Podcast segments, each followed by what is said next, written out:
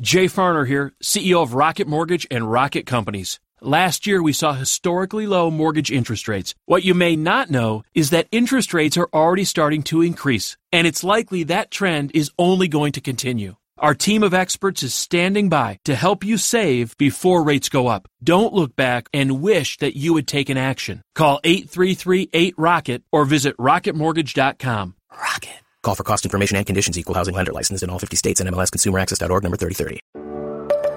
This is what matters most, and I'm Matt Popovits. Look, life is crazier than ever, and lots of people, maybe even you, are feeling anxious and overwhelmed. Today's message is designed to help you figure out what's most important and to experience the peace and joy that God intends for you. Because life is a gift, and it shouldn't be wasted on worry. I'd like to give you a resource, something to help you navigate the road ahead. Just go to mattpopovits.com, click on the icon, and we'll send it to you. That's Matt, P-O-P-O-V-I-T-S dot com. And hey, if you happen to live in the Houston area, I'd love to see you on a Sunday morning at St. Mark in Spring Branch. Head to stmarkhouston.org to plan your visit. Here's today's message. Thanks for listening. So, this morning we are continuing our series that's going to lead us all the way up until Easter called The Week That Saved the World. And, and what we're doing is, is really quite simple. We are, we're taking a slow walk in the scriptures through seven days in Jesus' life. Uh, seven days that, that we would argue as people of faith, seven days that, that changed the world for the better. And so this morning we find ourselves at late Thursday night, early Friday morning. It's not really clear. It's either really late on Thursday night or really, really early on Friday morning for Jesus. He has, he's just been apprehended by the Jewish leaders who want to try him for blasphemy. He's been apprehended and taken into custody, and the accusation against Jesus is that he is, he is um, offending the name and the person and the reality of God, which was a crime in that time and in that day and in that age that was punishable by death. And so Jesus has been apprehended and he's about ready to be tried in a religious court by these religious leaders. But, but, he's, but he's innocent. He's innocent of all of it. Jesus is falsely accused and, and he is on trial. But nobody is advocating for him, not even himself. In fact, the only time Jesus speaks up in this, in this trial, in this moment, he makes it worse for himself. And when he speaks up, he, he guarantees that he's going to be found guilty by these religious leaders and then turned over to the Romans, who are the ones who had the actual authority in Jerusalem at the time to, to sanction someone's capital punishment, to put someone to death. But, but don't be confused. Just as we said a couple weeks ago, though Jesus is arrested, he is in control. Nothing happens that Jesus does not want to have happen. In fact, in this moment, what we see is that Jesus is initiating and stepping into something that, that theologians have long called uh, the great reversal. The great reversal where in this moment, and then certainly on the cross and in the empty tomb, Jesus is trading places with sinful humanity very clearly, very explicitly. He, he's trading places with us so that he can earn and then offer uh, forgiveness for us. And that's really just what I want to point out as we walk through this portion of the story. I want to point out all the ways and all the levels at which Jesus is reversing roles with us. He's trading spaces and places with us so that he can earn something that is not deserved by us, he can earn it for us. So, so Jesus is, is bound. He's, his hands are tied together, and he's, he's standing in the middle of the high priest's court, which was the high priest's own home. And standing in the middle is the high priest with Jesus, and then all around the outside are members of what's called the Sanhedrin, this religious leadership group. At least as many numbers of the Sanhedrin that they could wake up in the middle of the night so that they could get them to the high priest's home so that they could have the quorum that they needed. They needed a certain number of people present in order to vote legally on Jesus' guilt or innocence. And in the middle of that room stands Jesus. Jesus stands in the middle of that room, and from the sides, people start stepping forward to testify against him, to talk about the crimes that he's committed. And they step forward and say things like, He's blasphemed against God, I heard it. Or he, he said that he was going to tear down the temple with human hands. The problem is that none of their testimony corroborated. which they needed to have happen in order to justifiably sentence Jesus to death. You see, the, the Jewish leaders had very strict rules about how, how a trial like this, a religious trial like this, should go. And those rules are documented in history. You can look at them today. Uh, the rules state things like it should not happen in the high priest's home. Where are they? In the high priest's home. It should not happen in the dead of night. It's the dead of night. Uh, the trial should not happen immediately after arrest. That would hinder due process. Uh, there needs to be at least a little bit of time taken for people involved to kind of get their act and their stories together so that we can have a, a just and fair process. This is happening immediately after Jesus is arrested. And then they had stringent rules about witness testimony. If you're going to accuse somebody, especially someone of blasphemy in this particular courtroom, that, that testimony had to be corroborated by three witnesses. And those witnesses had to be credible, uh, they had to be basically unimpeachable in character, and most importantly, their stories needed to match up. And yet, none of that is happening here. And so, everyone in the room, the high priest, Jesus, the Sanhedrin around the walls, who are all scared and look at each other, they all know that this whole procedure is quite literally illegal. And that, that the testimony that's being levied against Jesus is false. It's based on lies. It, it, it, should not be permissible. It cannot stand up. And yet, all of it is happening and all of it is going forward. Now, this would be bad enough if it were, if it were just you or me that's on trial in this situation. But this isn't happening in some downtown Houston courtroom. This is happening in the heart of Jerusalem to Jesus. And, and remember who Jesus is. Jesus is not just the, the rabbi and rebel teacher who claimed to be the, the long predicted, long awaited Savior of the world. Jesus is, in fact, what people of faith believe, he is God in flesh, God's own Son. And, and what we know about God is this, among many things. We know that God is the one who defines justice and then defines and defends truth. You can you can also say that God is justice and truth, right? God is justice and truth. So, so that means Jesus is justice and Jesus is truth. But then look at what's happening here. Justice and truth are being unjustly tried and falsely accused. Justice and truth in the flesh is being illegally tried and accused with lies. A great reversal is taking place. The story continues. Uh, the high priest is, is frustrated that he can't get the stories corroborated from the witnesses. And he knows that he needs something for him to take a vote on among the crowd so that they can vote that Jesus should die. And so, in his frustration, he, he approaches Jesus himself and he, he tries to get Jesus to incriminate himself. He tries to get Jesus to, uh, to get himself in trouble. And so the high priest confronts Jesus. And he asks him, What, what do you say about what all these people are saying? What do, you, what do you say? Say something. Say something in your defense. And everybody in the room kind of leans in, wondering what Jesus is going to say. They lean in, and there's this long pause and nothing. Jesus is silent. He, he's being asked to, to defend himself and to explain himself, but, but Jesus is, he's silent in that moment. One of the many things we, we try to teach our kids is respect for authority.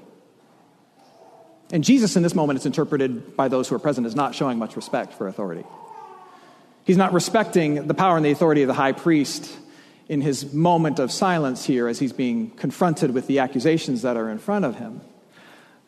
But really, what's happening is that the people in that room are not respecting Jesus' authority and not respecting his position. And yet again, think about what's happening here with Jesus. Jesus is God in flesh, God's own Son, this, this mind expanding reality that we can't even begin to grasp the fullness of. Who is the one that deserves to be recognized? He is. Who is the one who deserves to be praised for all that he is? He is. And yet he's having to give an answer for himself and explain himself. Know, God calls us to respect the authorities around us because, because it's, uh, It's a good way to practice the authority and the recognition that, that we're supposed to offer respect for in Him. Well, you see this throughout the scriptures. Like, like you look at the Psalms, David writes this in the Psalms. Uh, Psalm 145 is a great example. David says, I will extol you, my God and King, and bless your name forever and ever. Every day I will bless you and praise your name forever and ever. Great is the Lord and greatly to be praised, and his greatness is unsearchable. One generation shall commend your works to another. In other words, I'm going to teach my kids to recognize and respect how awesome you are and shall declare your mighty acts. That's what David says of God. That's God getting the respect and the recognition that he deserves. And think again about what's happening here. Jesus, with his hands tied in this religious courtroom, Jesus is God and he's being asked to defend himself. Explain yourself. Tell us who you are. Justify yourself. He's the one who should be recognized and respected by them. He has every right to say, Hey, don't you know who I am? Treat me with a bit of respect. And yet, what's happening here is that the one whose name should be praised is being told to defend his name. A reversal is taking place. Hey, friends, it's Pastor Matt. Easter is almost here. Can you believe it? And I'm inviting you to join us in person at St. Mark Houston or online at easterforhouston.com. Whether you join us at our campus in Spring Branch or stream our celebration to your couch, you'll find great music, a message that makes sense, and something special for the kids. For more info, head to easterforhouston.com. It's a celebration for the whole city from your friends at St. Mark Houston. That's easterforhouston.com. Now, now here's the thing you don't stand silent in the face of the high priest for long, even if you're Jesus. Because eventually, the, the intensity get ramped up to such a degree that, that you will say something. There was no Fifth Amendment privilege in first century Palestine. And so, knowing that he needed something with which to hold this trial and hang his hat on, uh, the high priest confronts Jesus again and he ramps up the intensity. And this time, he, he directly accuses Jesus of blasphemy. Uh, th- this is how it happens in, in Mark's gospel. Mark says this starting in chapter 14. Are you the Christ, the Son of the Blessed? And Jesus said, This is a really important moment. Jesus said, I am. And you will see the Son of Man seated at the right hand of power and coming with the clouds of heaven. And the high priest tore his garment, which was an expression of, of shock and grief in the face of blasphemy. It's kind of a cultural thing that was done then. And he said, What further witnesses do we need? In other words, let's call a vote. And everybody, it's assumed, just raised their hand. You didn't even need to. He'd blasphemed right in front of them. He said, Yes, I am. I am the Messiah. I am God. I am everything you accuse me of. Now, what's important to keep in mind is that Jesus doesn't just say yes, Jesus adds even more. This is the moment, if you follow the story of Jesus, this is really the moment that Jesus has been waiting for. If you, if you read through the Gospels, there are lots of moments where people kind of put two and two together and they figure out who he is. And they're like, oh, like you're the, you're the, and Jesus says, not yet. Or somebody comes up to him and they ask him a question of like, hey, uh, are you God? And Jesus is like, I don't know what you're talking about. Maybe. That's what Jesus does.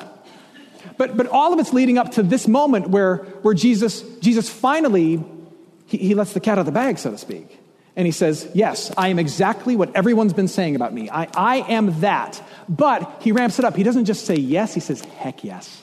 And he puts his foot down. And he, he, he references two scriptures that every single religious leader in that room who had the Torah, the first five books of the Bible, memorized, which is a requirement to be a member of this group Genesis, Exodus, Leviticus, Numbers, and Deuteronomy, memorized. He references two scriptures that every single one of them would have known Psalm 110, and then like Daniel chapter 7, which talks about the, the power of the divine, that's Psalm 110, and then the fact that there is this Son of Man who is going to be God Himself coming back to judge mankind and establish God's kingdom. So Jesus says, Oh, not only am I God's own Son and God in flesh, I have all the power of God in me right now, and I am the divine righteous judge. This is my world, this is my kingdom, this is my courtroom. Don't you get that? That's what Jesus is saying. And at that moment, all hell breaks loose. And at that moment, he is accused of blasphemy because they don't believe a word he's saying, obviously. And at that moment, they, they begin to punch him. They begin to kick him. They begin to spit on him. They, they, they physically and verbally assault him. They bring the guards in to do, to do what they can't. Like my punches and my kicks aren't hard enough. Bring in the guards. Let them go to town on Jesus. And, and what you have is Jesus who's, who's now finally said, he's waited to this moment when it was life or death, and he chose death to stick to his guns and say, I am the Son of God, God in flesh with power in my bones. He chose to stand at that moment and say it, and now he's getting kicked. He's getting spat upon. They're hurling insults at him. They're saying, Prophesy, if you know the future, tell me that this kick is coming right to your gut. That's what they're doing. Because he's a blasphemer because he's offended God. But what is happening? A grand irony is taking place. Jesus is getting kicked and punched and condemned because he's offending God. And the people who are kicking and punching him, they're the ones who are actually in that moment guilty of it. Jesus is being punished for blasphemy by the people in the room who, in their punishing of him, are actually guilty of blasphemy. They have just condemned God, refused to believe God. They have just punched God, spat on God, kicked God, and ordered the death of God. And so, what's happening? The true righteous judge, that's Daniel 7, takes the punishment of and from the truly guilty. A great reversal is taking place. What do you think's happening when we walk through these seven days? What do you think is happening when you and I, we watch the unjust and illegal trial of Jesus, when we watch the innocent man get tried and punished? We are watching someone else in our place. We are the guilty party watching the trial and the condemnation of Jesus. You see, Jesus is standing in a religious courtroom being, being asked to give an account for things that he's never done. That's not his courtroom to stand in as, as a defendant. It's yours and it's mine. You know, you and I, you and I, we are creations. One day we're going to stand before our Creator, accountable for everything. And He's going to have every right in that moment, if God wants to, to hold us accountable to everything we've ever done. That, that's like my place and yours. That's our spot in that courtroom. And Jesus is being asked to, uh, to give an account, a specific account, to defend himself and justify himself for all the, for all the atrocities he's committed and all the evils he's purveyed. But, but he hasn't done any of those things. But I'll go first. I have. Like, I got stuff. You do. Jesus is being punished for blasphemy, for offending the name of God. And he's not offending the name of God, it's his name. He's not offending. it's not even possible. But, like, but I, am the one who, I, I live my life insisting that the rest of the world treat me as God and that the whole of the world bend to my will. That's like who, that's who I am. And, and, and I spend most of my life, 99% of my life, and I'm a pastor, 99% of my life operating and acting as if God doesn't exist, and then I get frustrated when he doesn't do what I want. And so, and so who's the one who should be called out for their their offense of the name of God. It's, it's, it's, you and me. So what's happening is, is Jesus is undergoing, he's standing in your courtroom, and Jesus is being asked questions you should be asked, and Jesus is being punished for things that, that you and I are guilty of. A great reversal has taken place. And you ask the question, well, why would Jesus do this? He, he takes on this burden that, that he doesn't deserve so that he can give us a blessing that we don't deserve. That's why. And, and it's ludicrous and it doesn't make sense. Like, why would God do this? Why wouldn't He just like wipe all the pieces off the chessboard and start over? I, I don't know. He could if He wanted to, but He doesn't. It's ludicrous, but it's love, and love is often ludicrous. You give people things they don't deserve because you love them. And so God says, I love all these people. And so he, he enters into our trial and answers our questions and, and stands under our condemnation so that justice can be done, but we come out squeaky clean. And he trades those spaces with us. And so he gets our burden. And then he says, Here, as I take your burden, have the blessing of being a part of my family. When the Father looks at you, he now sees Jesus. When the Father looks at you, he sees his perfection. He sees his place in the family. He sees all of his promises. He sees all of it. That's, that's the great reversal. That's the trade. That, that's what's happened here. That's the why of this moment. And, and here's what I want you to do with it. If this is a new story for you, or if you are just now starting to appreciate this story, um, my, my encouragement for you is to binge watch it a little bit especially this time of year. Like this, this whole story of Jesus being rejected, crucified, dying, and rising, and, and it, all of it being for you. Not, not just for us, but like for you. Like you right there, like for you. Like binge watch that story, rehearse it, get in front of it, read it, watch it this time of year, and, and grow in some appreciation for it.